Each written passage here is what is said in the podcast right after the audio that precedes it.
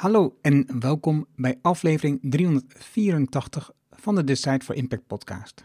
Waar je leert van ondernemers en ondernemende mensen die bijzondere resultaten bereiken, welke besluiten genomen om hier te komen, wat ze doen, de strategie en hoe ze klanten krijgen.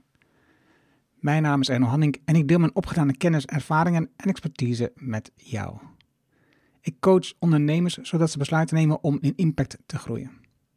Vandaag het gesprek met George Routers. George is redacteur van Vrij Nederland. Hij verdiepte zich de laatste jaren in de wereld van het kapitalisme, de problemen die het veroorzaakt en het verzet ertegen. Het afgelopen jaar reisde hij door Europa op zoek naar alternatieven voor het kapitalisme. Zijn inzichten vertaalde hij in zijn recente boek Miljardairs onder de creatine. Het was een super gaaf gesprek met George. Veel uitwisseling, ideeën, nieuwe inzichten. Echt het genieten. Luister met mee. Laten we beginnen. Welkom bij Decide for Impact. De podcast waarin je leert van ondernemers en experts die een positieve, duurzame bijdrage leveren aan mens en omgeving. Met persoonlijke verhalen die je helpen om impactbesluiten te nemen voor jullie bedrijf. Dan nu, jouw business coach, Engel Halling. Welkom in de nieuwe podcast. Dit keer spreek ik met George Routers. Ik ben echt blij dat ik met je mag spreken, George. Dankjewel, insgelijks. Want je bent de auteur van een boek Miljardairs onder de guillotine. En als je de video kijkt, kijk, daar is die in beeld, dan zie je hem.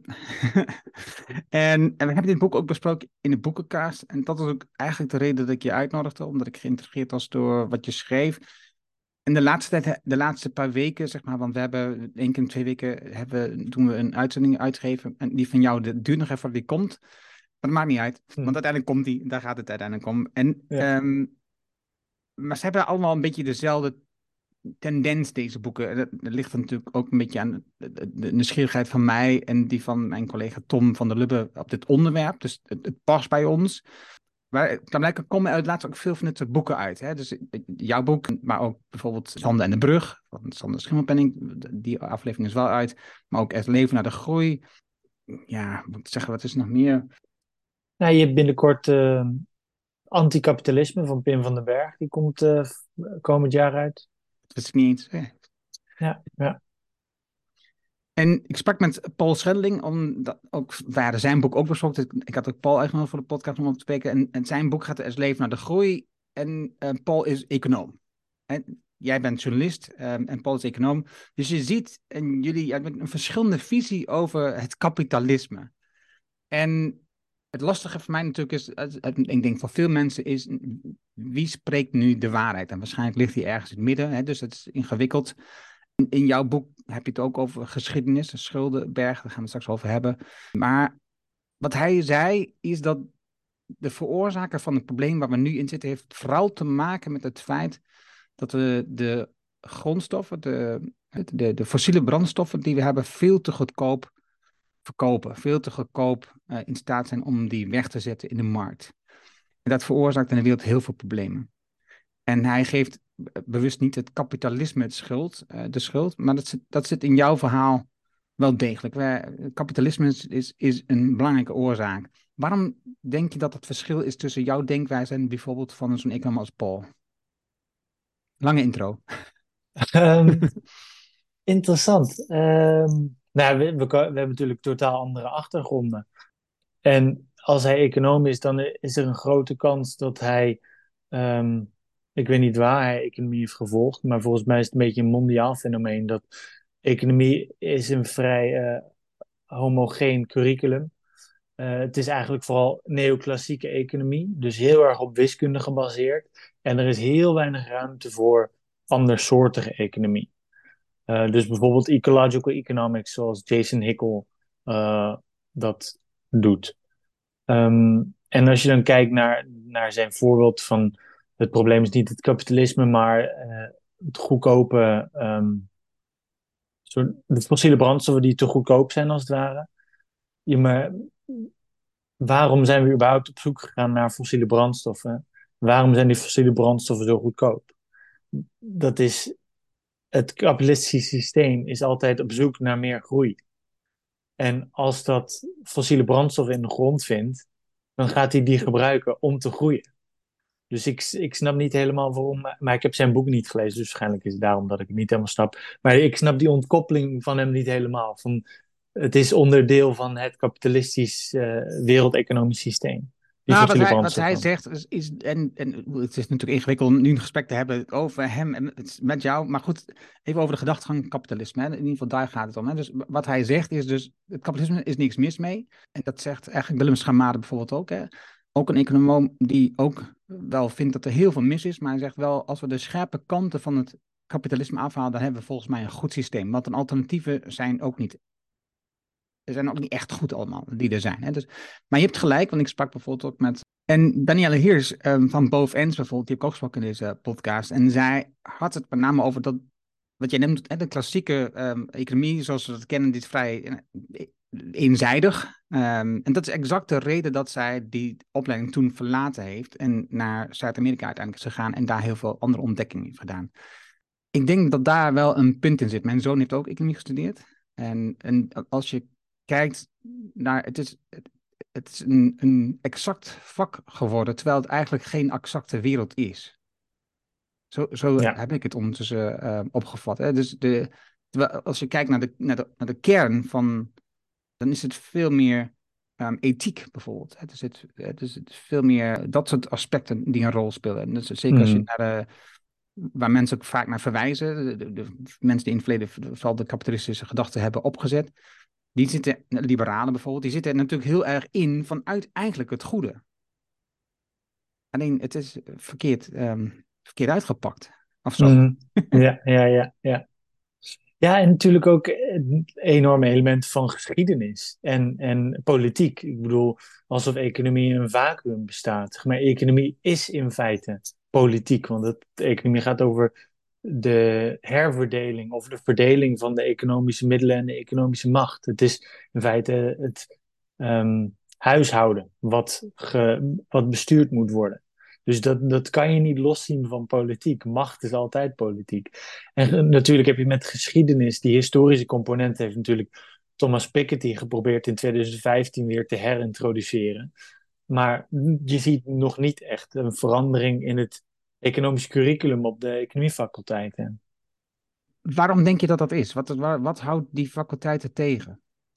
Oef, ook een, een, een vraag die totaal mijn uh, vakgebied uh, te boven gaat. Maar ik heb een paar um, uh, vermoedens. Die faculteiten worden natuurlijk bestuurd door bepaalde hoogleraren en decanen.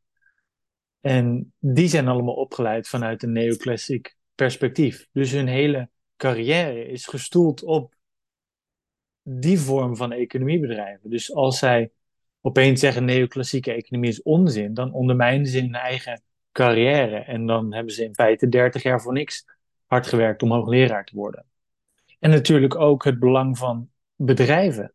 Ik bedoel, er was gisteren of eergisteren kwam uh, was, er kwam het nieuws in buiten dat uh, bijna 200 hoogleraren worden gefinancierd door bedrijven. Nou, ik kan me voorstellen dat grote bedrijven de eerste faculteit waar ze naartoe zullen gaan, is de economiefaculteit. Dus misschien speelt daar ook wel uh, een economisch belang op de economiefaculteiten om niet te kritisch te zijn op het e economisch systeem wat hun in feite financiert. Er was zo'n, wat was die quote ook weer? um, it's hard to persuade a man of something that his salary depends on. Ik weet niet meer van wie die was, maar dat, is, dat, is, dat geldt natuurlijk ook voor hoogleraren economie. Ja, en er zijn natuurlijk ook al genoeg biases bekend waarbij, uh, wat je al wat als eerste al zei, dat als je zeg maar jouw als dat de keuzes zijn die je hebt gemaakt in het verleden, dat dat, dat je, ja, je leven heeft bepaald, dan is het heel ingewikkeld om daarvan af te stappen. Dat is, uh, dat is allemaal onderwezen. Oké, we, we, zijn er gelijk uh, ingedoken. Um, ja, ja, ja. Even, een, even, een, stapje terug. Jij hebt verschillende studies gedaan. En bent ook van het buitenland geweest. En ik ben eigenlijk wel benieuwd, waarom heb jij gekozen voor die route die je hebt afgelegd met je studies? Want als ik nu kijk, dan doe je toch wat anders. Ja, ja, ja. Nou, ik heb dus van jongs af aan wilde ik rijk worden. En probeerde ik via, eerst via de beurs en toen wilde ik ondernemer worden. En toen heb ik eigenlijk twee, drie weken economie en bedrijfskunde aan de UvA gestudeerd. En dat vond ik zo verschrikkelijk dat ik het dus maar twee, drie weken heb volgehouden. En toen ben ik het jaar erop ik Europese studies gaan doen. Omdat ik merkte, dat is aan de geesteswetenschappenfaculteit, omdat ik merkte dat ik eigenlijk veel meer interesse had in uh, die maatschappelijke dimensie die bij economie totaal ontbrak. En mijn dromen van rijk worden, die ambities had ik eigenlijk niet meer. Dus ik denk dat ik daarom uh, die, die rare omslag heb gemaakt.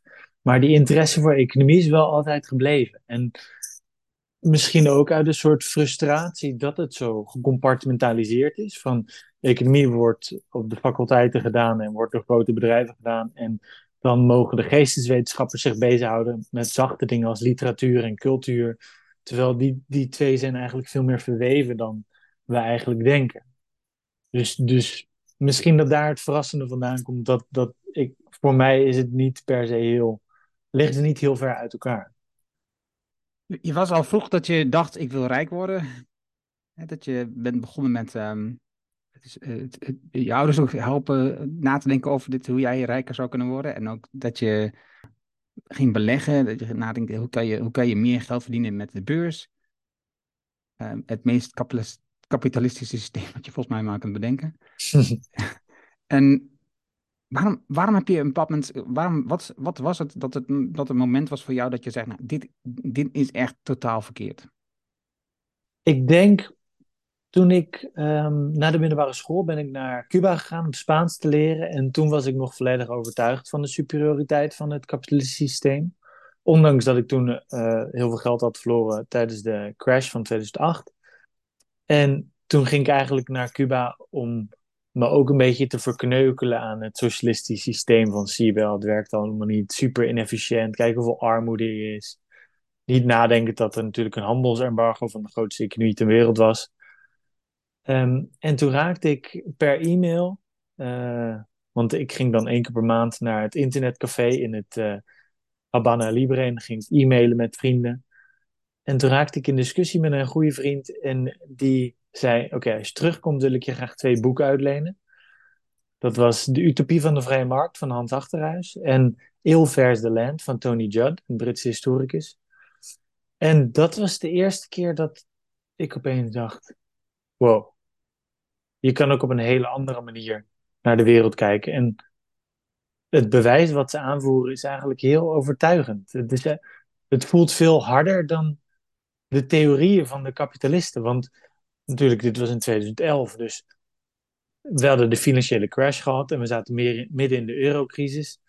En Wall Street werd gered, maar de gewone mensen niet. En ik las dus die boeken op een moment van een soort van totale economische en maatschappelijke ontwrichting. Dus ja, daardoor, daardoor ging ik wel op een hele andere manier daarover nadenken. Denk je dat die maatschappelijke ontwrichting die je toen zag minder is geworden of meer is geworden? Of dat die gelijk is gebleven? Ik denk dat die uh, door is gegaan. Ja, zeker. Dat het meer is geworden. Want, want dat, dat gevoel van onrecht, dat is niet hersteld. Uh, eigenlijk is iedereen nog steeds even boos, zo niet bozer, over wat er toen is gebeurd. Want iedereen dacht toen, oh kijk, dit is, dit is een soort van de reset. Dat is natuurlijk een gevaarlijk woord nu, want andere mensen bedoelen er wat anders mee. Maar dit is een soort van het crisismoment waardoor we de mogelijkheden hebben om het systeem eerlijk en rechtvaardig te maken. Dit is het falen van het neoliberalisme. En nu komt er iets anders voor in de plaats. Maar dat is niet ervoor in de plaats gekomen. Ik bedoel, bedrijven maken monsterwinsten, record na record wordt gebroken, bonussen worden uitgekeerd. En de groei blijft voor gewone mensen heel erg achter. Als je gewoon kijkt naar het verschil, het aandeel van arbeid in het totale inkomen in de economie, dan is dat de afgelopen 40 jaar consistent gedaald. En dat voor de aandeelhouders, voor de kapitalisten dus, is consistent gestegen. Dus die economische groei is, zoals Sander Heijnen en Hendrik van Noot zeggen, fantoomgroei gebleken voor 99% van de mensen. Ja, want dat, dat, is, dat speelt al al ruim 30 jaar dat, ehm, dat de, zeg maar, het inkomen van uh, de middenklasse en daaronder niet is gestegen, dat hij gelijk is gebleven. Terwijl uh, je ziet dat de verhouding tussen uh, de meest verdienen, dat is meestal dan de, de CEO of iemand in die, in die C-suite, um, ten opzichte van de minst verdiende organisatie, dat is alleen maar opgelopen. Hè. Dat, dat getal ligt nu op, weet ik veel, 344 geloof ik of iets dergelijks. absurd niet normaal aantal. Dat je denkt van wat, wat, wat moet je nog meer als je al 20 miljoen hebt, zeg maar. Dus wat, wat, moet je dan nog meer? Waar, waar, waar komt die drang vandaan om dan. Um...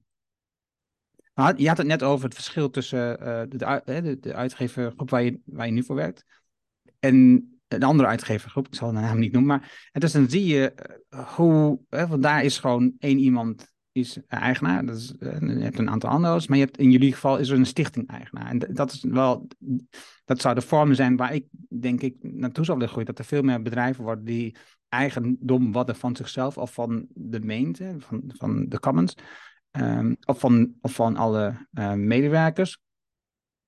Zodat um, een bedrijf niet verkocht kan worden op, op winst. En überhaupt gewoon de winstmaximisatie, dat die gedachte wordt, uh, wordt uitgebannen uit de wereld. Mm -hmm. Want dat, dat veroorzaakt gewoon heel veel ellende. Maar ja, de mensen die op dit moment, wat je zei, de politiek, de macht, dat is, dat is waar het al om draait, die de macht hebben, die mensen, die hebben dus bijvoorbeeld professoren aan het werk, maar die hebben ook uh, geld in de politiek. Die hebben invloed in de politiek met hun, met hun geld. Die controleren de boel. Dus het is heel ingewikkeld natuurlijk, denk ik. Maar misschien maak ik het zelf ingewikkeld. Uh, om dit te doorbreken. Hoe, hoe zie je dat? Ja, dit is natuurlijk super lastig om te doorbreken. Daar is, daar is echt geen twijfel over mogelijk. Maar tegelijkertijd is natuurlijk ook wel. Dit hele fenomeen is niet nieuw.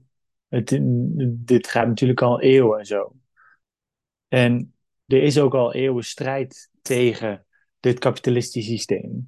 En met ook wel wezenlijke successen. En dat is natuurlijk ook altijd heel belangrijk om te doen, om door jezelf door naar het verleden te kijken en jezelf in een historische, transit, in, in historische transitie te zien. Want we hoeven niet het wiel opnieuw uit te vinden. Zeg maar, dit is niet de eerste keer dat we geconfronteerd worden met dit probleem, met deze machtsstrijd. Dus het is vooral kijken naar wat gebeurt er eigenlijk al en hoe kan ik daarbij aansluiten. En dan wordt het een heel ander verhaal. Dan, dan zie je niet alleen maar hoe overweldigend de taak is, maar ook hoeveel successen er al zijn geweest in het verleden. Successen die op voorhand eigenlijk onmogelijk leken. Uh, noem eens zo'n succes voor jou waarvan je nu zegt, ja, dat is logisch, maar dat was op voorhand heel ingewikkeld. Ja, natuurlijk het stemrecht, algemeen stemrecht voor iedereen. Daar heeft de arbeidersbeweging een gigantisch belangrijke rol in gespeeld. Want er was natuurlijk wel stemrecht alleen voor de 1% rijkste mensen. En er is kei en keihard door de arbeidersbeweging voor gestreven, naar gestreven om stemrecht voor iedereen te krijgen. En hetzelfde met uh, gezondheidszorg. Al universele gezondheidszorg is een van de belangrijkste manieren waarop onze levensverwachting veel groter is geworden. En heel vaak wordt het argument aangedragen voor het kapitalisme. Dat kijk eens naar hoeveel beter we het hebben gekregen de afgelopen paar eeuwen. Dat heeft het kapitalisme gedaan. Maar als je werkelijk gaat kijken naar zaken waar ze daarna verwijzen, zoals de toename van levensverwachting, dan spelen gezond drinkwater en sanitaire voorzieningen, rioolaanleg, dat zijn allemaal publieke werken waar kapitalisten keihard tegen hebben gestreden. Want hun grond werd onteigend. En er werd belasting op hun vermogen geheven om die riolering te betalen. Net als universele gezondheidszorg. Er werden belastingen op de kapitalisten gegeven om die gezondheidszorg te betalen. Dus waar is precies dan het kapitalisme verantwoordelijk voor die toename van levensverwachting? Het kapitalisme was eigenlijk verantwoordelijk voor de afname van de levensverwachting sinds de 15e, 16e eeuw, toen het kapitalisme ontstond, naar de 19e eeuw toe is het radicaal gedaald. En pas toen er progressieve bewegingen kwamen om de levensomstandigheden voor de meerderheid van de mensen te verbeteren, ging die levensverwachting weer omhoog. Dat is wat Jason Hickel allemaal uitlegt in Less is More. Ja. Dat, boek vind ik ook super gaaf. Soms denk ik, oh ja, hij is wel wat extreem. Dus dan, eh, dan, heb ik, dan gaat het maar net iets te ver. Van mijn gevoel. Hè. Dus ik, niet, ik weet niet of dat waar is, maar van mijn gevoel haakt het dan net iets te ver. En tegelijkertijd denk ik wel dat dat beweging is die er moet zijn. En zoals ehm, ook uh, The Economy of Arrival bijvoorbeeld. Uh, dat boek wat ook super interessant op het vlak. Ja, dat, is wat mij dan betreft wat, wat gematigder ehm, en wat toegankelijker. En ik, als ik kijk naar je studies, je hebt veel dingen ook vanuit de geschiedenis gestudeerd. Hè? Dus, dus je hebt veel dingen waar, de geschiedenis betrokken is gestudeerd. En een van de. Wacht even. Ik, ga, ik kom dus ook terug. En een van de dingen van het boek was. Wat ik interessant vond, was die, die, die schulden die er zijn. Hè? Naar ontwikkelingsland bijvoorbeeld. Maar even één ding voor die tijd. Het hoofdstuk wat het meeste impact op mij heeft gemaakt, of een soort gelijk aan mij gaf, was het, was het intermezzo. over, over de, uh, de mythe van consistentie. En wat jij daar schreef, dat raakte me, omdat ik dat eigenlijk zelf ook zo ervaar. Weet je, het is, het is je wilt bijdragen aan de verandering. Dus eh, zoals ik, ik dat jij ook zo in de kast maar zoals ik, dan denk je van, ja, ik wil, ik wil uh, bijvoorbeeld een aantal dingen veranderen. Uh, dus ik, ik geloof in de less is more uh, gedachte. Ik geloof in het feit dat, met jou, jouw boek schetst, dat we ergens een, een limiet hebben op het vermogen van mensen. En dat gewoon mensen die veel vermogen hebben, gewoon veel meer belasten zodat er meer middelen te beschikking komen voor de mensen die veel te weinig hebben. En niet per se in Nederland, gewoon over de hele wereld. En tegelijkertijd eh, neem je het jezelf kwalijk als je bijvoorbeeld nadenkt over een vliegreis bijvoorbeeld. Of, als je nadenkt over, mag ik dit nog wel kopen? Weet je wel? Dan, eh, dus, dus continu ben, je, ben ik bij mezelf in een soort gevecht. Is dit nog, is dit nog rechtvaardig wat ik aan het doen ben met, met, met de idealisme die ik voor me zie over hoe het zou eigenlijk zou moeten, hoe we het samen met elkaar zou moeten organiseren. En dus, dus je zit in dat systeem gevangen van het neoliberaal, het kapitalistische systeem, dus waarin oneindige groei uh, noodzakelijk kwaad is. Waarbij 80% van mensen zeg maar, uh, geënt zijn op groei. Dat alles moet groeien. Hè? Dus het loon moet groeien, de spullen die we kopen moeten groeien. We moeten meer op vakantie, we moeten meer uitgeven. Want als we meer uitgeven, dan is het beter voor bedrijven. En dan kunnen zij meer mensen aannemen. Het hele systeem zit zo in elkaar dat dat allemaal met elkaar verbonden is. En dus is het goed als ik koop, want dan zijn er meer mensen aan het werk. Hè? Dus dan is er meer vermogen ter beschikking voor de gemeenschap. Als zo'n spinzelverhaal wordt het uiteindelijk wat je denkt van ja, als ik maar genoeg koop, dan is het goed voor de wereld. Ja, ja. Wel, het is andersom natuurlijk. Hè? Dus, want met de spullen die we kopen, vernietigen we ontzettend veel uh, op de wereld. En we hebben het helemaal niet in de gaten, want het grootste wat we vernietigen zit op het zuidelijke halfrond of niet op landen. Zo ver weg dat we daar niets van zien. Dus, dus dank je wel voor dat hoofdstuk in ieder geval. dat, is, dat is echt gewoon um, zo'n uh, ja, ik, uh, herkenning wat ik erin vond. Heel fijn om te horen. Ja, ja, ja. Het is natuurlijk het is een beetje een outlier in het hele boek. En daarom ook een intermezzo. En, uh, maar ik, ik vond het wel een soort van verhelderend zelf ook. Om, om daar even goed bij stil te staan. Dat, dat, maar ook die mensen die in alternatieve werken zijn, ook, ze noemden het zelf ook allemaal. Van, dit is niet perfectie. Eh, perfectie bestaat gewoon niet. Zeg maar, zuiverheid bestaat niet. En, en dat, dat, ik vind het fijn dat het dus is overgekomen.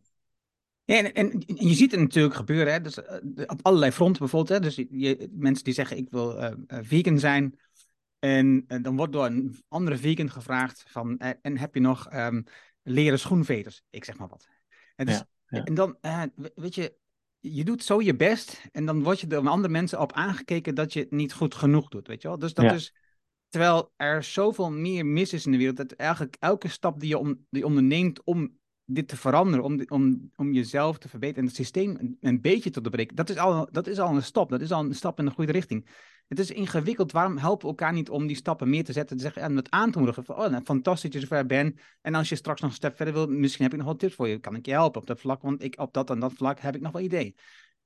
Ik, ik begrijp, het is heel ingewikkeld dat we elkaar niet helpen op dat vlak, maar elkaar dus eigenlijk op het moment dat iemand eigenlijk bezig is, continu aan het afbranden zijn. Ja, ja. Omdat we vinden dat wat ze niet doen niet goed genoeg is. Ja, ja, ja. ja.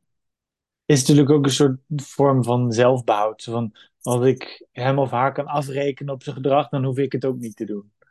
Of dat je jezelf moreel boven een ander stelt omdat jij het wel doet. Van ik heb geen leren dus ik heb nog nooit gevlogen. dat is allemaal niet waar, maar um, op die manier is het misschien ook een soort van ja, jezelf proberen staande te houden in de wereld. Dat doen die kapitalisten natuurlijk ook. Die hebben ook hun motivatie waarom dit voor hun wel goed is, zeg maar. Ja, ja, ja, ja, ja. Want je hebt het dan over kapitalisten, je hebt het dan over aandeelhouders.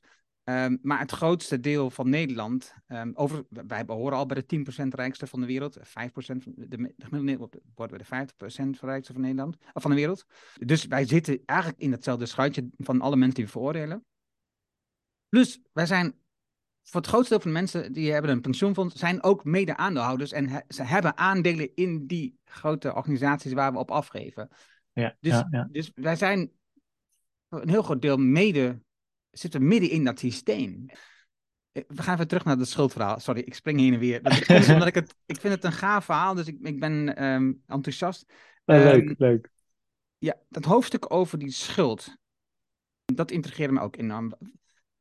Hoe zit het, hoe zit het nou met die schuld naar die, naar die arme landen toe? Grote vraag. Wat ik, wat ik in het hoofdstuk probeer uit te leggen is eh, de functie van schuld in ons kapitalistisch systeem. Um, en dat het steeds meer als een soort van punt van zwaartekracht fungeert.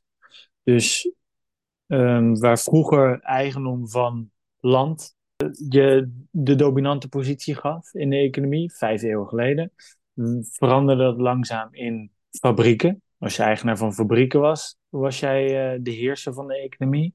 En dat is de afgelopen veertig jaar langzaam veranderd in als jij eigenaar bent van financiële papieren, wat in feite 80% neerkomt op schuld, dan ben jij in feite de baas van de economie. Of draait de economie veel meer om jou. De financialisering van de economie, als het ware. En wat daarin natuurlijk wordt gereproduceerd, zijn de economische verhoudingen tussen het mondiale noorden en het mondiale zuiden.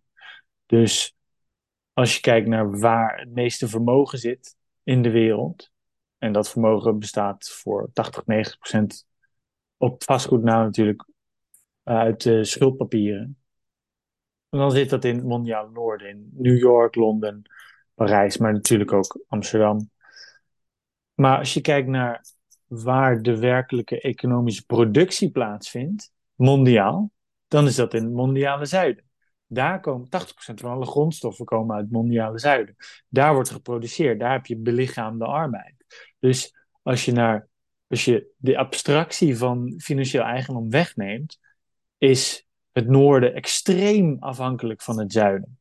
Maar zodra je die financiële componenten weer in terugbrengt, heb je het omgekeerde. En die financiële component is in feite de schuld die het mondiale zuiden bij het mondiale noorden heeft. En die is ontstaan door? Ja, dan moeten we natuurlijk kijken naar het kolonialisme. En eh, wat daarna ook nog kwam. Dus ze zijn wel onafhankelijk geworden. Nou, eerst even terug naar het kolonialisme. Een mooi voorbeeld daarvan is Haiti. Haiti was uh, het eerste land wat zich van uh, slavernij had ontdaan.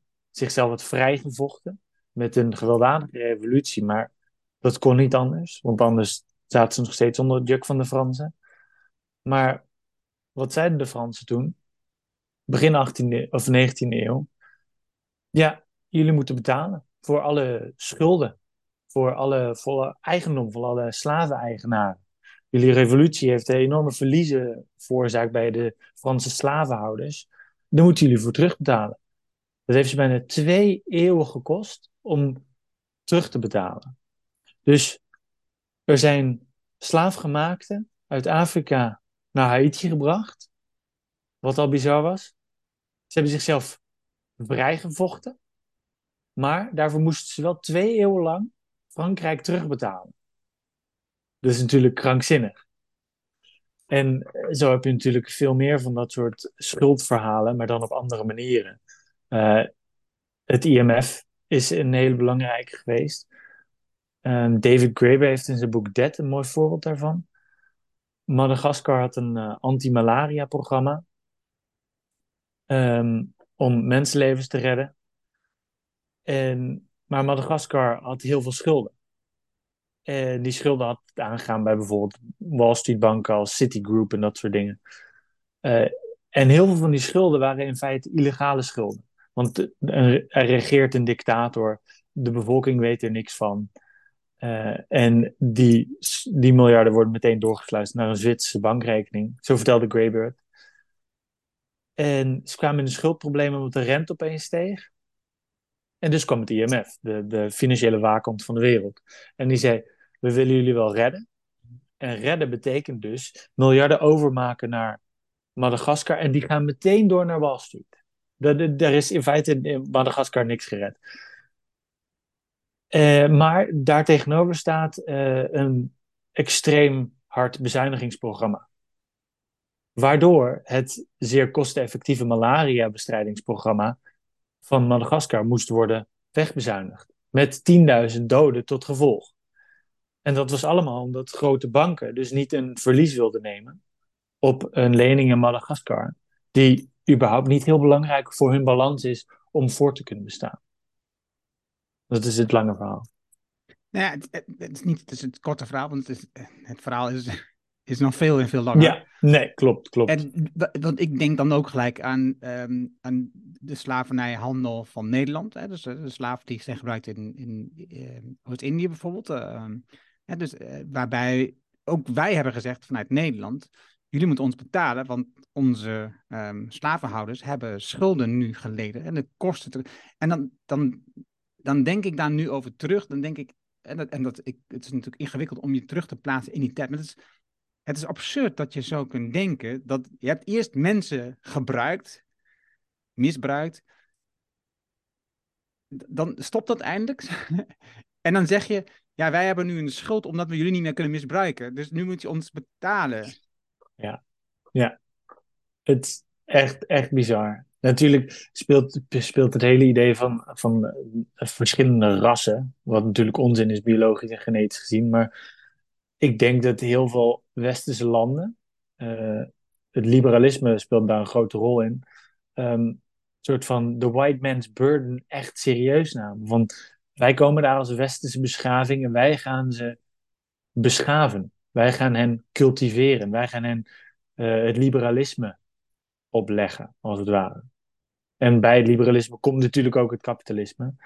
Um, en dat is natuurlijk misschien een van de redenen waarom ze, zodra die mensen zich hadden vrijgevochten, dachten: ja, maar wij hebben allemaal beschaving gebracht. Wij hebben spoorwegen aangelegd voor jullie. Niet voor hun. Dat was natuurlijk om die landen leeg te trekken voor je eigen economische gewin. Maar ik denk dat daar ook wel een soort van krenk in de gedachte zat. Ja, het is, het is niet meer voor te stellen dat je, dat je zo denkt over mensen. Dat, dat we zo minderwaardig denken over, over mensen. En, en toch is het nog vrij recent dat, dat het zo was. Hè? Als we alleen al kijken naar bijvoorbeeld het verschil tussen man en vrouw. Eh, sterker nog, dat verschil is, niet op, is nog steeds niet opgeheven. Als je kijkt naar wat, wat vrouwen verdienen. Maar we hadden gewoon nog in de dierentuin waren zwarte mensen die tentoon werden gesteld, uh, wat was het, in 1950 of zo. Het is een absurde, voor ons nu in, onze huidige context, dat kun je niet voorstellen. Maar het, maar het bizarre is natuurlijk dat er nog steeds, die schulden er nog steeds zijn. Uh, die landen nog steeds afbetalen van die schulden die oorspronkelijk op die manier ontstaan. En wij ze niet kwijtschelden om dat te vereenvoudigen, om dat om dat, om dat voor die landen zeg maar, op naar een hoger niveau te Ondertussen leven nog steeds 750 miljoen mensen in armoede. Ja. Dat kunnen we gewoon oplossen.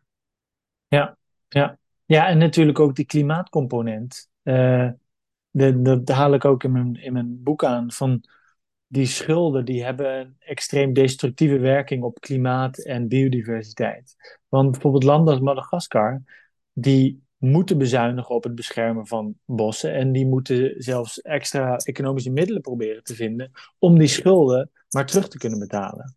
En uh, niet heel, heel verrassend is dat Madagaskar een van de hoogste ontbossingspercentages de afgelopen twee decennia heeft gehad van bijna de hele wereld.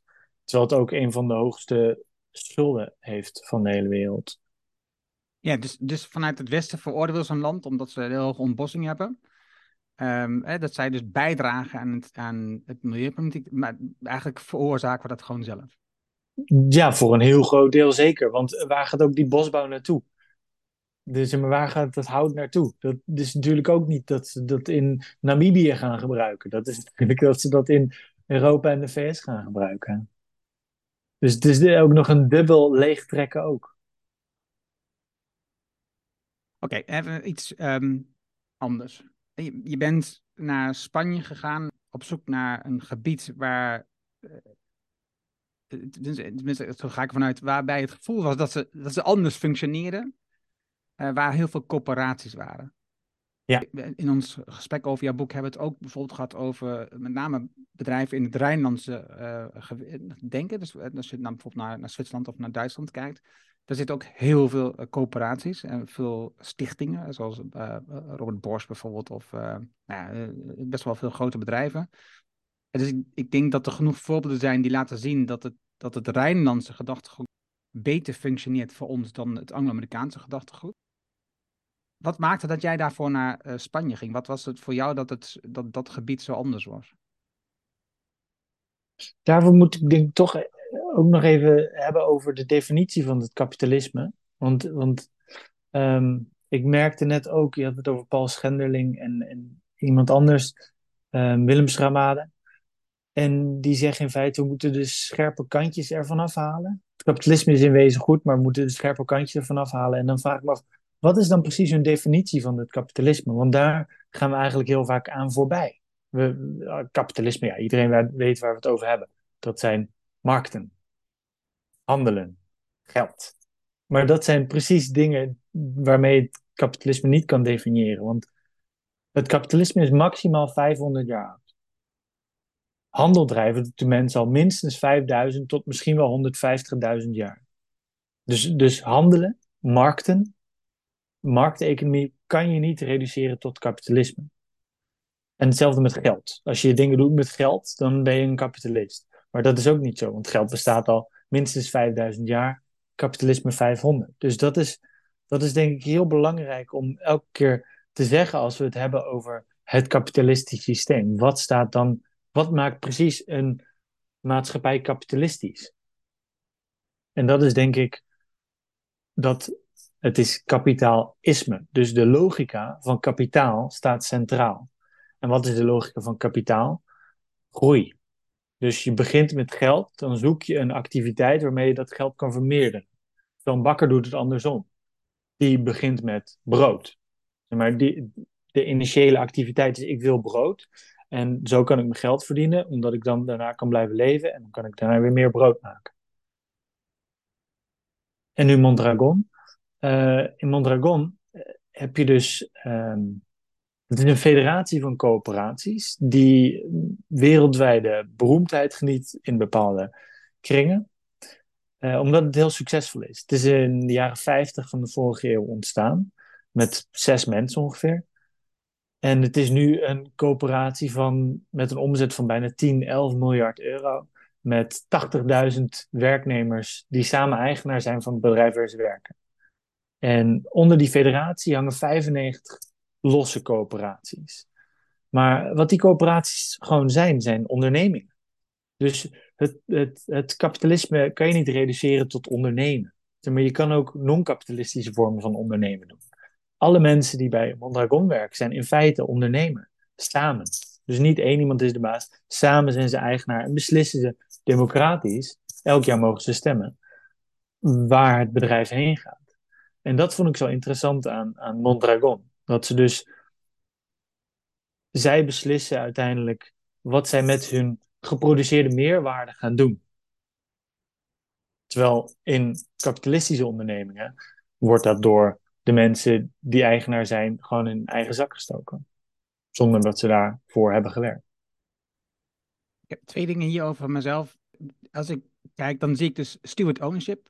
Dat is dus, dat is dus een middel om weg te komen van het kapitalisme. Zeg ik dat goed? Steward ownership is een, is een uh, fascinerende beweging. Uh, wordt steeds populairder, gelukkig. Maar er zijn wel kritische kanttekeningen bij te plaatsen. Ik weet niet of het volledig non- of anticapitalistisch is. Want als je bijvoorbeeld kijkt naar een van de succesvolste steward-owned bedrijven, dat is Rolex. Rolex lijkt nog steeds heel erg die kapitalistische logica van meer groei na te streven. En dan is het, is het wel uiteindelijk van zichzelf, maar uiteindelijk verwoest het wel de planeet. Want er gaat heel veel mijnbouw in al die gouden en zilveren horloges en diamanten zitten. En het is ook een soort van symbool van kapitalisme geworden, de, de Rolex zelf als horloge. Dus, dus ik vind okay, steward ownership. Maar dat is, dat, is een, dat is een voorbeeld waar we net over hadden: over de, de, de ideale wereld bestaat niet. Dus, ja, dus ja. jouw jou, uh, intermezzo. Ja, ja, ja. Nee, dus nu pakken we een voorbeeld. Um, ik, wist het, ik wist het overigens niet dat het zo was, dat is wel interessant. Maar er zijn, wat mij betreft, meer goede voorbeelden van um, steward-owned bedrijven. Uh, waar, waarbij je duidelijk ziet dat het meer gaat over um, het aan het werk houden van mensen. Mensen een plek geven, mensen ontwikkelen. Um, het niet verkoopbaar maken aan het bedrijf. Uh, een, een, limiet op de verhouding tussen uh, de meestverdienen en de minstverdienen in zo'n organisatie. Er zitten heel veel elementen in waarvan ik denk dat die het goede uitgangspunt zijn om wat er mis is met een kapitalistisch ingestoken bedrijf, met aandeelhouders met winstmaximisatie, om dat um, om te draaien, om dat te keren, om dat niet te doen. Dus ja. Kan je nog daarop reageren? Zeker, zeker. Het, het, is natuurlijk een beetje flauw voor mij om één, één voorbeeld te pakken en dan gelijk iets totaal om te zagen. Um, dat wil ik ook niet doen, maar het is een beetje zoals uh, Ingrid Robijns, hoogleraar aan uh, Universiteit Utrecht, heeft veel over het limitarisme, limieten op rijkdom geschreven, maar ook over het basisinkomen. En zij zegt, mensen vragen mij of ik voor of tegen het basisinkomen ben, maar het hangt volledig af van de voorwaarden. Ik Milton Friedman was ook een groot voorstander van het basisinkomen, omdat hij dan alle publieke voorzieningen weg kon snijden. Dus het is een soort van libertaire interpretatie van het basisinkomen. Aan de andere kant heb je Willem Schinkel, socioloog, die zegt: als het basisinkomen haalbaar en betaalbaar is, is het niet hoog genoeg. Een soort van, het, het hangt volledig af van de uiteindelijke voorwaarden die er liggen. En dat is hetzelfde met steward ownership. Dus Rolex is steward owned, maar omdat er geen harde eisen zijn, of geen duidelijke voorwaarden, geen duidelijke principes, of die worden niet nageleefd, kan een bedrijf een soort van ontsporen. En dat is ook met steward ownership. Alles hangt af van de voorwaarden. En als jij een bedrijf creëert, als je een steward-owned bedrijf creëert dat echt zijn principes naleeft, als je als eerst harde principes opstelt om de wereld niet kapot te maken, om mensen niet uit te buiten, democratisch bestuur ook essentieel, en die naleeft, dan is het natuurlijk een geweldige vorm van non-kapitalistisch uh, um, ondernemen. Nu, uiteindelijk kwam je uit tot conclusie, tenminste, zij zelf, in Madragon kwam tot conclusie dat ook hun systeem last heeft van beperkingen, van de grote... Mondragon. Ja. Ja, ja, ja. Nou, nee, zeker, zeker. Dus ik was daar uh, en een van de corporaties die onderdeel is van de federatie is Eroski. Dat is een supermarktketen. En uh, ze hebben gewoon, ja, ik kwam daar binnen en het was gewoon zo'n gigantische hypermarkt. En naast die hypermarkt had je ook gewoon een tankstation. En ze hadden een reisbureau met all-inclusive vliegreizen naar de Seychelles voor acht dagen. Dus een soort van dat, dat, dat duurzame socialistische, die duurzame socialistische utopie, die, die was daar gewoon niet. Terwijl dat, als je erover leest, dan lijkt dat wel zo te zijn. Mondragon is echt een soort van, voor heel veel mensen, een perfect voorbeeld van democratisch socialisme. Maar dat is natuurlijk ook niet raar als je bedenkt dat die supermarkt moet concurreren in een kapitalistische context. Dus die kan nooit groot worden of groot blijven of concurreren zonder mee te doen met hoe andere supermarkten in die kapitalistische wereldeconomieën doen. Dus dan moet je dus blijkbaar ook teflonpannen in de uitverkoop gooien en het hardloopshirtjes voor 8 euro verkopen en sneakers voor 13. Maar dat is natuurlijk ook belangrijk om altijd kritisch te blijven zijn. Dus zelfs al is iets rechtvaardiger en democratischer en eerlijker en duurzamer. Want dat is wat de studies aantonen. Coöperaties zijn gewoon duurzamer. Medewerkers zijn gezonder. Uh, het heeft een veel democratischer gehalte dan kapitalistische ondernemingen. Maar zelfs dan moet je kritisch blijven. Zelfs dan is het geen utopie. Ja, en ik denk dat een belangrijke voorwaarde zou kunnen zijn dat je een grens hebt op de grootte van zo'n organisatie, wat het kan bereiken. Een beetje de gedachtegang van Eckert Winsen, als uh, een organisatie meer dan 50 mensen, dan moet je het afsplitsen. Ik denk, als je dat zou doen, want ik denk dat de, de grootste veroorzaker van het probleem van het kapitalistische systeem op dit moment zijn gewoon de corporates, de grote bedrijven die wereldwijd werken, die niets anders doen dan belasting um, uh, ontduiken, zoveel mogelijk plekken uh, verzamelen waarbij ze zo min mogelijk belasting betalen. En dus gebruik maken van de middelen die wij als burger betalen, maar zelf mm. daar niet over, zelf geen vergoeding voor inbrengen. Om ons wat te noemen, hè, ze maken gebruik van onze wegen met hun busjes. Maar daar betalen ze niet voor, want ze betalen in Nederland helemaal geen belasting. Ja, ja. Terwijl ze wel gebruik maken van een brievenbusmaatschappij in Nederland, om eens wat te noemen. Ik denk dat dat, na al die, al die dingen die we lezen, denk ik dat dat een belangrijke voorwaarde is. Uh, en zeker als je naar de Dragon kijkt. Eh, als je, als je een dat dus de grootsheid, hè, dus de, de grootsheid die je hebt om en dan te willen concurreren met kapitalistische organisaties, dat is denk ik wat een groot probleem veroorzaakt. Als je dus, als je dus een supermarkt zou ontwikkelen zoals de Spar, die in veel kleine plaatsen tegenkomt, bijvoorbeeld in Duitsland, of uh, hoeft niet per se Spar, Spar als voorbeeld, waarbij je dus gewoon een vrij lokale supermarkt hebt, of de Plus bijvoorbeeld heeft dat ook, hè, die hebben veel lokale producten. Dus ik denk dat dat een enorme bijdrage levert aan dat je veel meer denkt over het effect van de producten die je koopt, mede door um, de invloed van de supermarktmanager of de supermarkteigenaar. Um, ja, ja. Ja, nu is dit ook wel een vrij lastig onderwerp, vooral als je het hebt over een soort van limiet op het aantal medewerkers. Want er is misschien nu ook een verheerlijking van lokale initiatieven, maar ik denk niet dat, dat we daarmee de transformatie gaan krijgen die we nodig hebben van de wereldeconomie om het klimaat en biodiversiteit uh, nog enigszins te kunnen redden. Wat misschien veel interessanter is om naar te kijken, wat, wat hier nog aan de basis aan ligt. Um, daar heb ik het over in hoofdstuk 3 met David White, de hoogleraar sociaal-juridische studies. Wat hij doet is, is fascinerend. Hij zegt: het kapitalisme is een veel te abstract begrip. Laten we kijken naar het vehikel van het kapitalisme? Wat is de institutionele vorm ervan? En dat is de corporation, zoals hij het noemt. Het, ja, Nederlands vennootschap misschien. Um, eigenlijk is dat, als je in, naar de concrete institutionele vorm gaat kijken, wat het kapitalisme is. En de belangrijkste kenmerken daarvan zorgen voor alle destructie. Dus dat is dat de aandeelhouders, de eigenaren, compleet losgekoppeld zijn van alle verantwoordelijkheid. Is dat de bestuurders losgekoppeld zijn van alle verantwoordelijkheid. En nu kom ik bij het punt wat hiervoor relevant is: de complexe structuren van bedrijven. Een, een bedrijf als Alphabet of uh, Shell is niet één vennootschap. Dat zijn honderden juridische constructies allemaal bij elkaar, waardoor ze belasting ontwijken, maar ook door, waardoor ze um, juridische verantwoording kunnen omzeilen. Een mooi voorbeeld wat David White gaf was uh, een chemiebedrijf in India in de jaren tachtig. Een gigantische chemische fabriek had een uh, gigantische ramp. Dat was nou 20 of 30.000 doden tot gevolg. En dat werd, er, er waren jarenlang rechtszaken.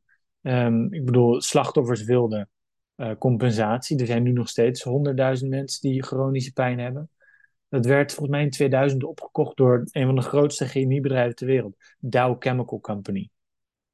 En sindsdien zeggen zij: ja, maar die ramp was niet, is, is niet onze juridische verantwoordelijkheid. Dat was een ander bedrijf. Maar het bedrijf wat wij hebben opgekocht hoort nu bij ons. Dus dat heeft niks meer met die ramp te maken. En die argumentatie is overeind gebleven in rechtbanken in de VS, maar ook in India. Dus zo zie je een soort van hoe complexe structuren uh, verantwoordelijkheid voor rampen, dus ook de klimaatramp, weghouden. En heel vaak worden ze ook gebruikt om de kosten te drukken. En daarom zegt David White ook: we moeten die complexe structuren opbreken.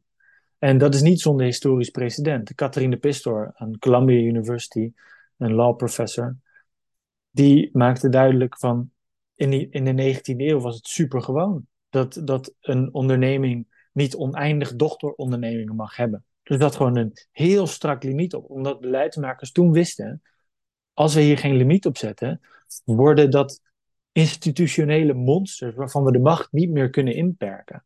En dat is natuurlijk vrij profetisch gebleken. Nog in die tijd natuurlijk die oliemaatschappijen die doen heel groot waar opgebroken weer. Om ervoor te zorgen dat dus wat er aan machtsstructuur wel was af te breken. En dat, dat blijkt nu veel ingewikkelder. Want we hebben waarschijnlijk al lang Alphabet opgebroken en Amazon opgebroken. Ja. En het is natuurlijk ingewikkeld, want ik lees ook boeken op mijn Kindle.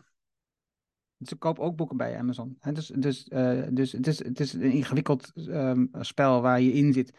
Waarbij natuurlijk de, de gedachtegang van die kapitalistische bedrijf, wat me ook altijd steekt, is uiteindelijk, en je schetst net een beetje met dat voorbeeld, is uiteindelijk dat zij ook nog in staat zijn om ons als, als consument of als burger uh, een schuld aan te praten. Dat wij verantwoordelijk zijn voor de rotzooi die op straat ligt. Dat wij verantwoordelijk zijn voor de, de, de plastic flesjes die in de berm liggen. En, eh, maar zij gaat niet veranderen. Weet je, zijn, eh, Coca-Cola is al meerdere keren gevraagd wanneer gaan het veranderen. En telkens hebben ze een deadline opgelegd die weer 10, 15 jaar verder ligt. En elke keer verschuift dat, zodat iedereen dat niet in de gaten heeft. En ze blijven maar water verkopen in flesjes, terwijl dat gewoon totaal niet noodzakelijk is. Sterker nog, dat water in flesjes komt van gebieden wat veel te ver weg is, wat helemaal niet nodig is om het zo te verslepen. Het is, ze zijn in staat om ons als consument, als burger, schulden te laten vullen over de acties die wij doen. Um, en, en, en, en, dat resulteert bijvoorbeeld als we een oranje zak of een oranje container hebben, waar we dus de afval in scheiden, dat daar ook nog een goed gevoel aan overhouden. Ja, we ja, eigenlijk vooral gewoon veel meer rotzooi produceren en weggooien zonder over na te denken. Ja, ja, ja. ja de, Je merkt, het frustreert me ook.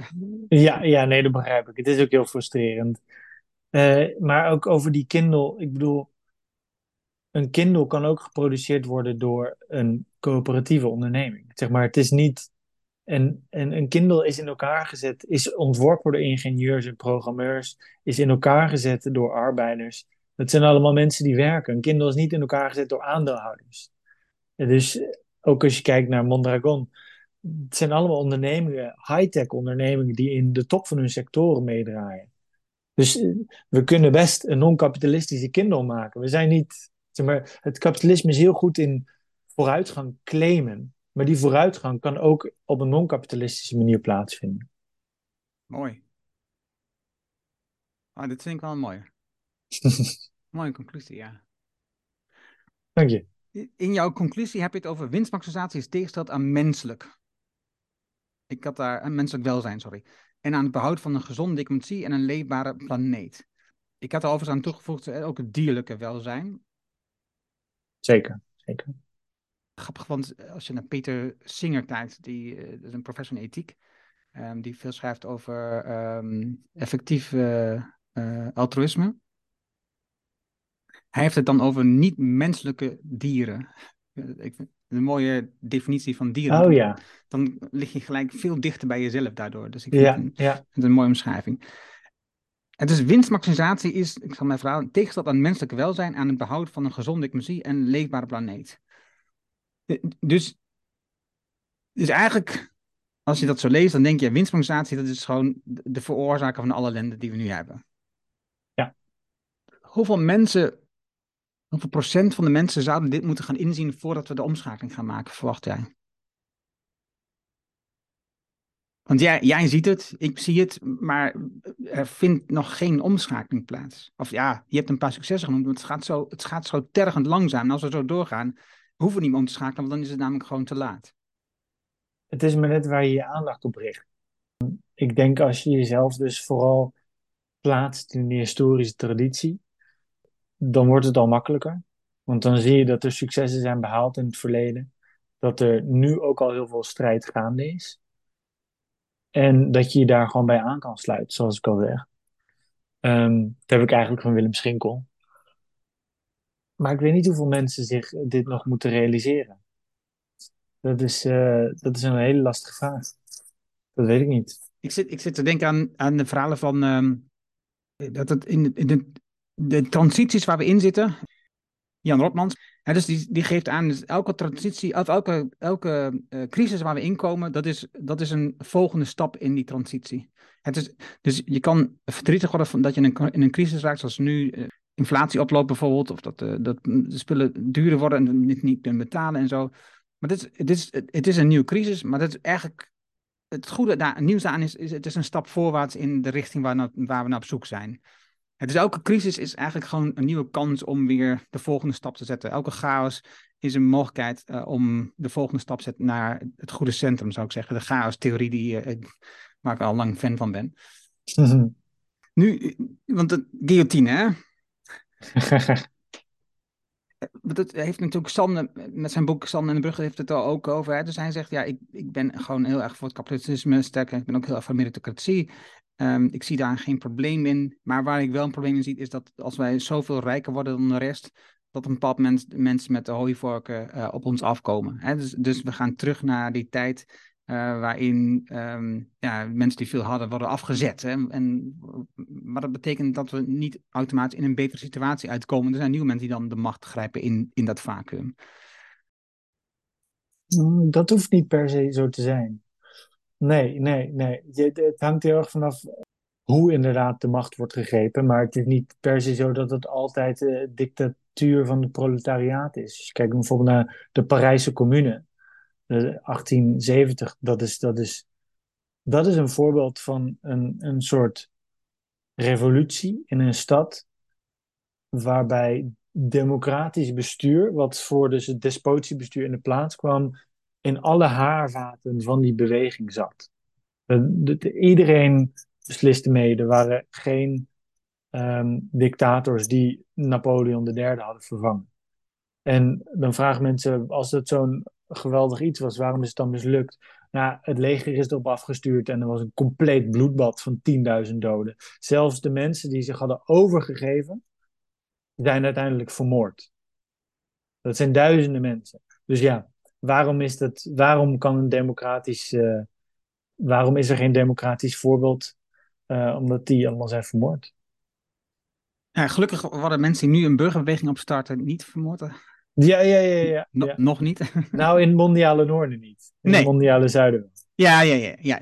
Ja, goed punt. Ook daar weer. Um, ik ben blij met dit gesprek. Je helpt me op veel fronten. Mooi. Maar die, die, de, de guillotine voor jou, is dat, is dat ook wel enigszins die gedachtegang wat Sander beschrijft van oké, als we zo doorgaan een moment, eh, dan is gewoon, dan gaan die mensen onder de guillotine. Ja, de spreekwoordelijke guillotine. Ja, nee, ik denk echt, um, als je kijkt naar de geschiedenis van ongelijkheid, de enige momenten waarop ongelijkheid drastisch is teruggedronken, ging altijd gepaard met grootschalig geweld. Dus een, een Stanford-historicus, Walter Scheidel, die heeft hier een boek over geschreven, The Great Leveler. En dat is natuurlijk heel beangstigend. En je ziet dat de woede toeneemt en je ziet dat de ongelijkheid toeneemt. En zeggen mensen, ja, de afgelopen paar jaren niet. Nee, maar de afgelopen paar decennia wel. En ik denk dat dat dus, ja, dat is wel de reden waarom ik een guillotine op de cover heb gezet. En natuurlijk zullen we geen guillotine gebruiken. Dat zal waarschijnlijk een, een ander, veel um, geavanceerder wapen zijn. Uh, als het al gebeurt natuurlijk. Het zijn ook niet, ik bedoel, de rijken die hebben superjachten waarop ze kunnen vluchten. Die hebben privéjets, die hebben bunkers. Jeff Bezos zal nooit worden onthoofd. Maar dat er gewelddadige uitbarstingen zullen zijn als we niet veranderen, dan dat is, dat is denk ik bijna wel zeker. Het pijnlijke is alleen dat heel veel van die uitbarstingen van geweld zich niet richten tegen het economisch systeem, maar tegen mensen van kleur, tegen gemarginaliseerde groepen. En dat zie je nu natuurlijk ook met, met de opkomst van uh, ja, neofascisten. Um, in Italië is een neofascist aan de macht. In Zweden is een neofascist aan de macht. In Nederland uh, zijn heel veel politieke partijen vrij neofascistisch. En die worden steeds populairder. Dus het is ook niet zo dat die woede automatisch gekanaliseerd wordt naar de bron van ongelijkheid. Dat, dat is natuurlijk een duizend jaar oude fenomeen dat de ander, de mensen die er anders uitziet of anders leeft, dat die de schuld krijgt. Dat dat uh, de zondebok is. Dat is. Dat is het grote gevaar waar we voor staan. Even groot als klimaatverandering, denk ik.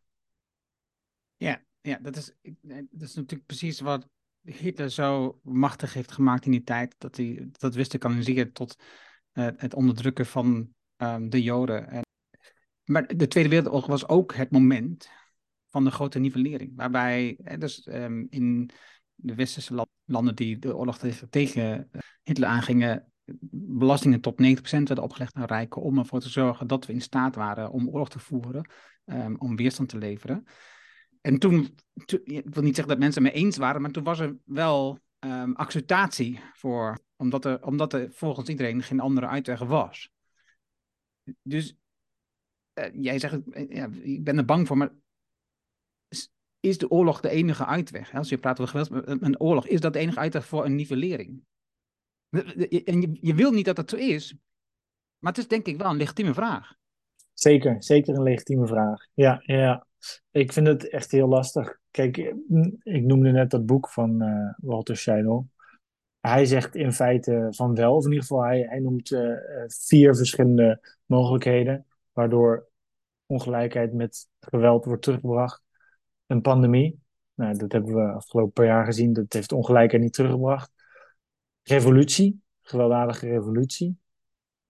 Oorlog en instorting van een staat. Uh, waarbij revolutie dus eigenlijk in feite de, ene, de enige is waarbij het terugdringen van ongelijkheid niet een neveneffect is, maar een soort van het hele doel van de onderneming. Uh, nu is het alleen zaak om een revolutie niet gewelddadig te laten verlopen. En ik denk dat, dat, dat daar een soort van de taak ligt. En bij die revolutie moet je misschien niet denken aan een soort van mega-evenement waarbij we bijvoorbeeld, weet ik veel, 10 november 2027, vanaf dan is de kentering en dan is al, dit is een revolutie die constant gaande is. Ja.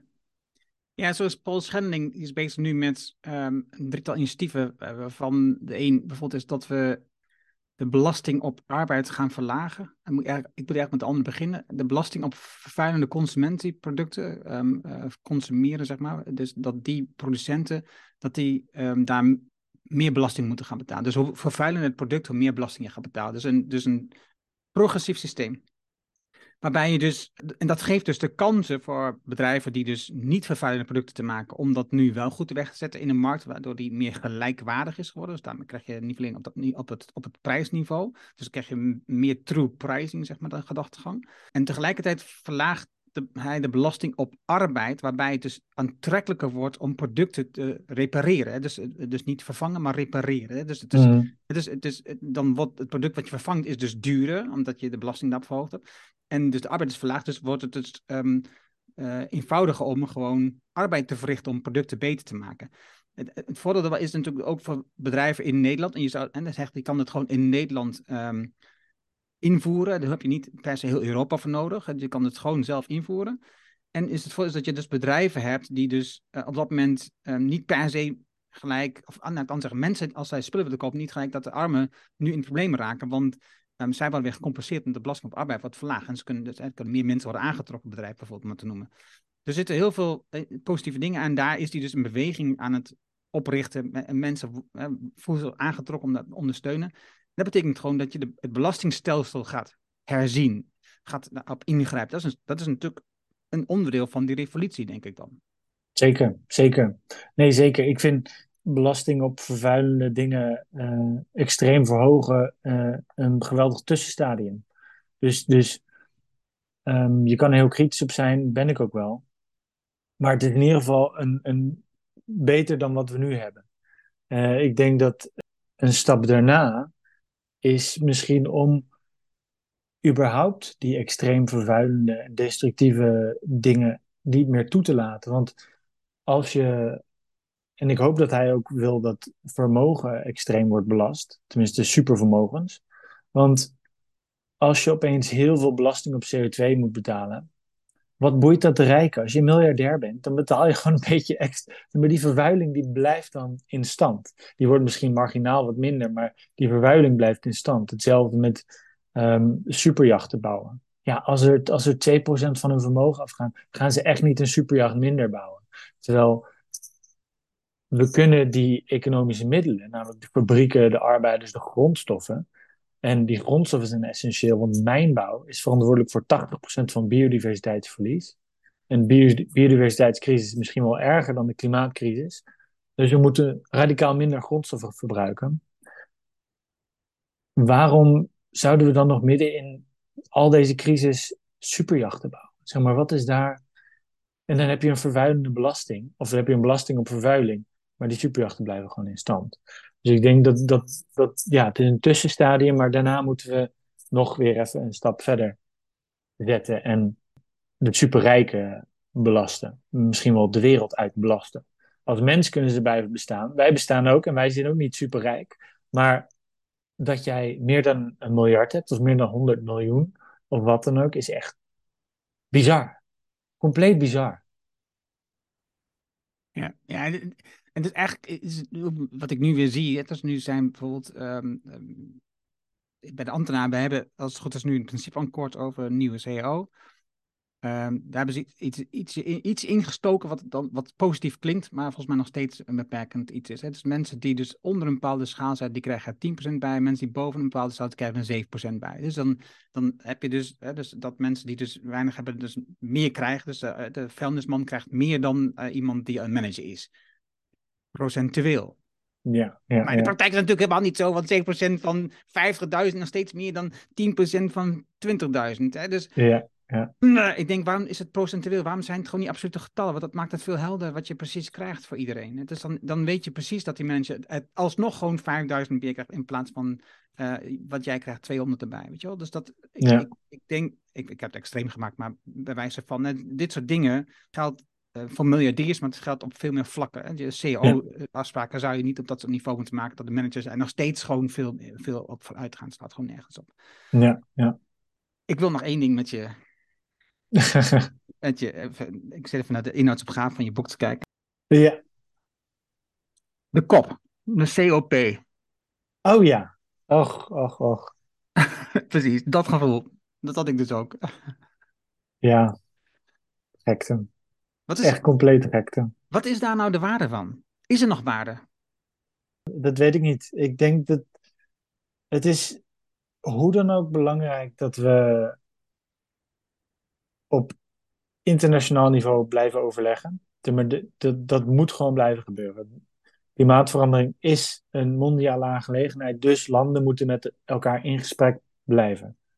Het probleem is alleen dat het belangrijkste internationale overlegorgaan voor klimaatverandering gekaapt is door multinationals. En nog erger, niet alleen Coca-Cola en Microsoft, maar ook de volgende voorzitter, eh, van, waar is het? Abu Dhabi volgens mij?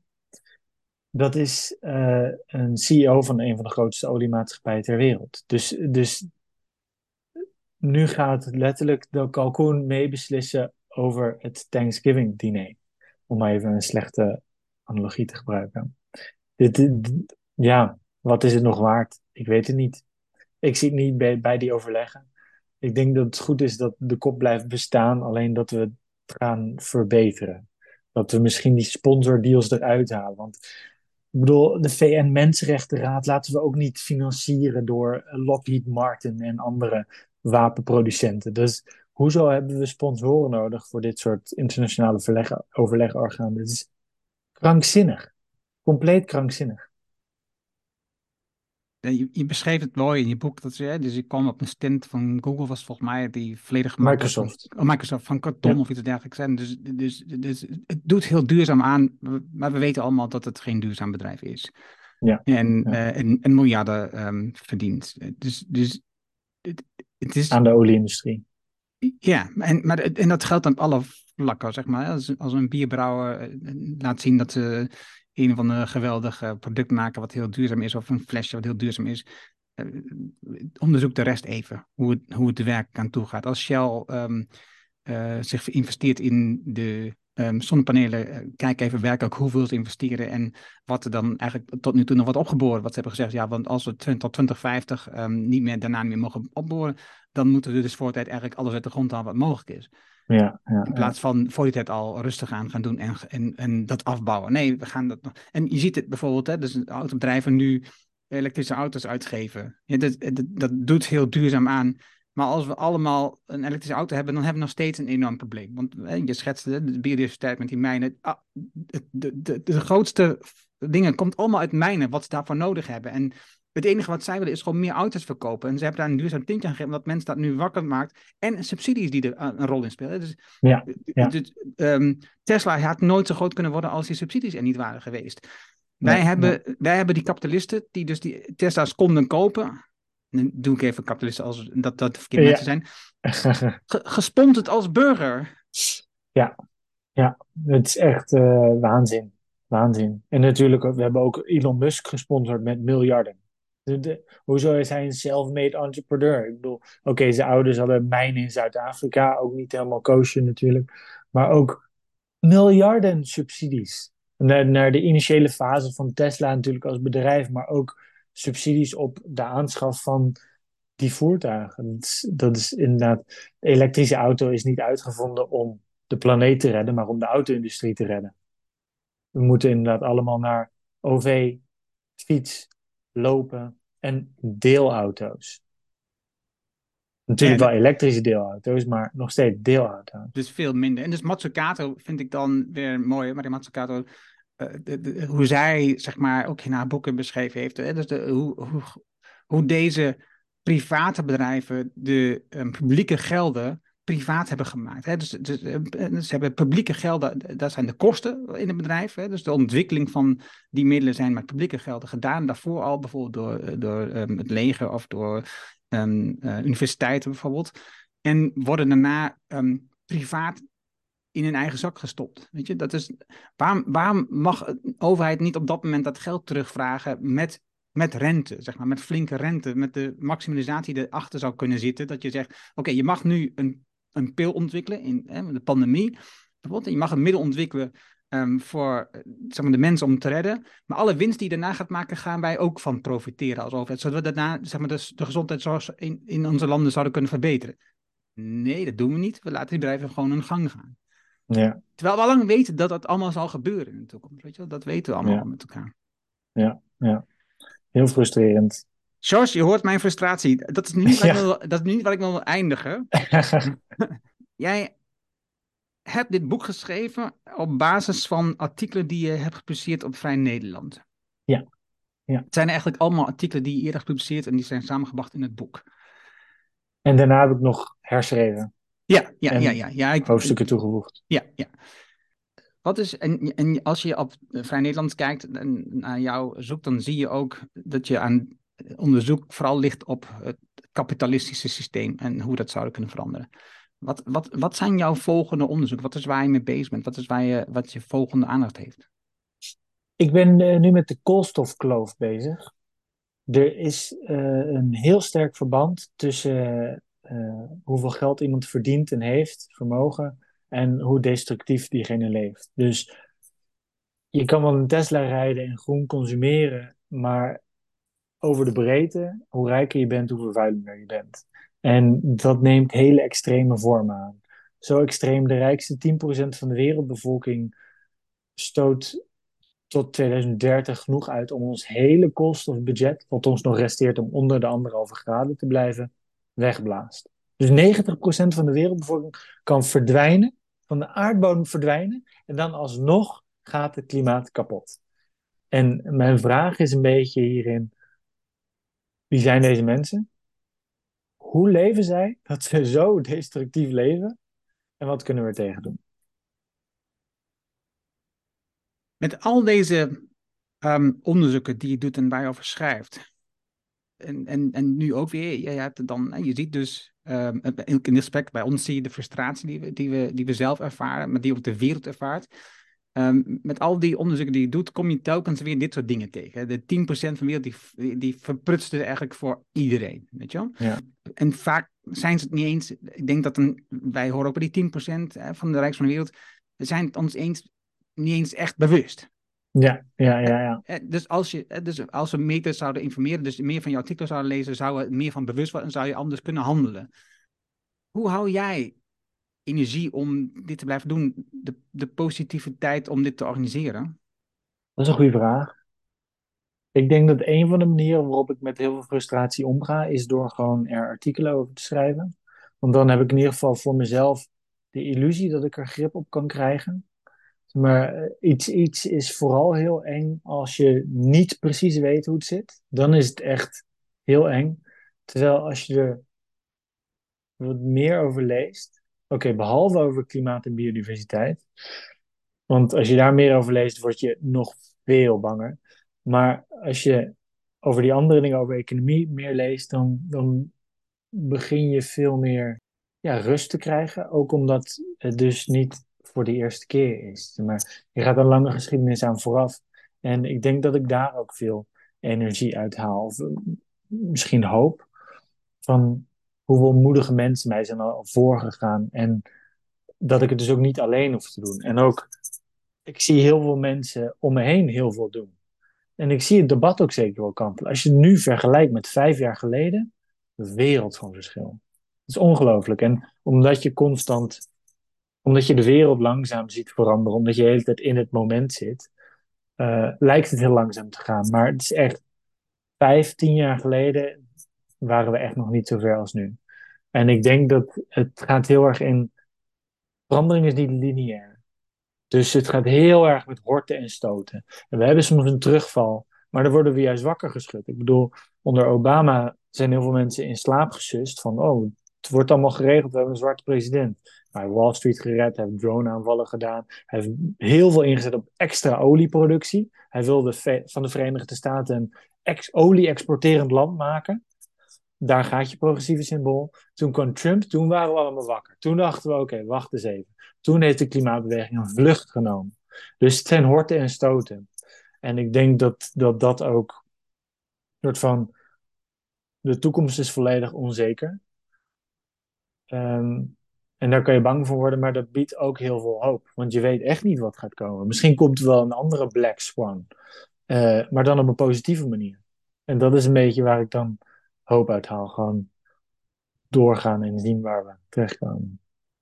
Dan kom ik terug bij Jan Rotmans. Elke crisis is een kans. Ja, ja, zeker. Short. Oh man, ik ben blij met dit gesprek.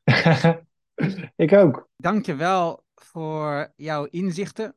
Um, ik heb nog uh, zoveel vragen waarvan ik denk, oh, daar hadden we nog wel kunnen bespreken. Jij geeft ook veel um, presentaties, dat ik gezien, workshops, uh, presentaties over je werk, volgens mij op dit moment. Je bent druk bezig met um, verhalen rondom je boek te vertellen, zodat meer mensen je zegt, hè, die kennis opdoen. Ik denk dat dat heel belangrijk is, dat we kennis opdoen op dat vlak. Ja, um, Ik werk daar ook aan, mede met dit soort gesprekken, met de podcast, met uh, boekbesprekingen die we doen, of dit soort boeken. Daarnaast ben ik zelf met de IDG's bijvoorbeeld betrokken, in de development goals, om na te denken over hoe kunnen we nou werkelijk aan de slag gaan met die SDG's, omdat het ingewikkelde doelen zijn. Gaan we, laten we beginnen met onze eigen innerlijke ontwikkeling, zodat je beter over dit soort eh, dingen kunt nadenken.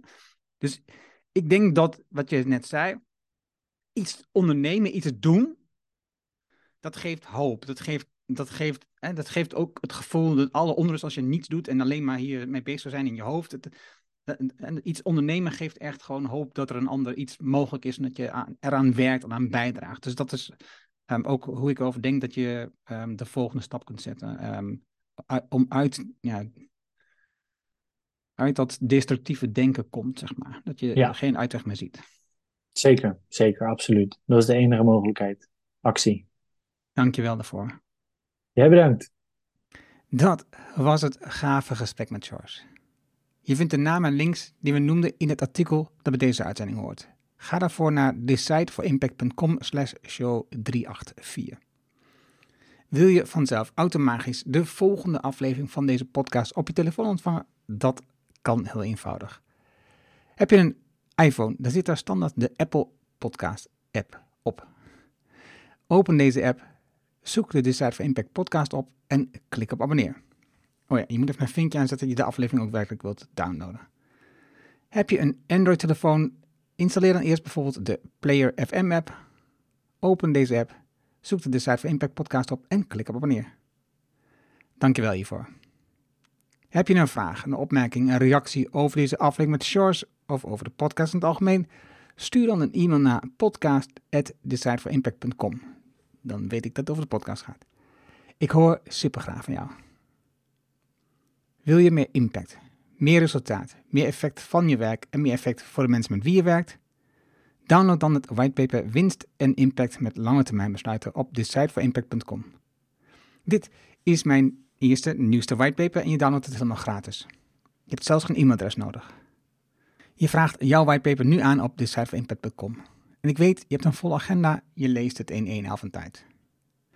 Dankjewel voor het luisteren en graag tot de volgende. Dankjewel voor het luisteren naar deze aflevering van de Decide for Impact podcast. Ga voor jouw volgende stap naar decideforimpact.com.